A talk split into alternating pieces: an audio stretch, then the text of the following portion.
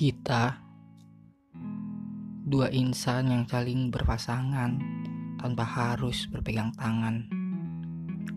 Kita dua insan yang saling memiliki tujuan tapi tak tahu kapan harus menentukan.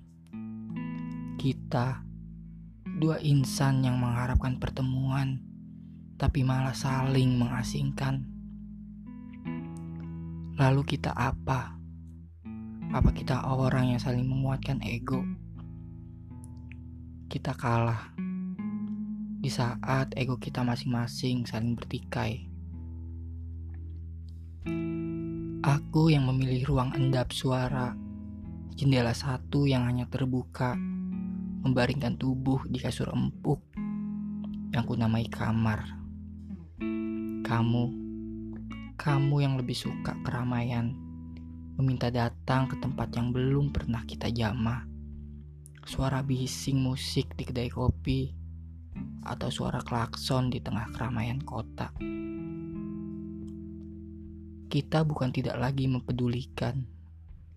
Kita hanya lupa bahwa ada satu bangunan tua yang kita lupakan. Yang sudah kita bangun susah payah. Yang berpondasi dengan rasa yang atapnya dibaluti kasih sayang, yang pintunya terbuat dari ketulusan, yang jendelanya penuh senyuman di setiap harinya, yang diisi oleh kita. Kalau kau lupa dengan bangunan itu, masuklah ke kamarmu, kunci rapat-rapat pintumu, baringkan tubuhmu, sediakan tisu terlebih dahulu lalu tenangkan dirimu. Cari healing terbaikmu sebelum kau datang ke bangunan itu. Kau tak perlu takut aku ada atau tidak di tempat itu.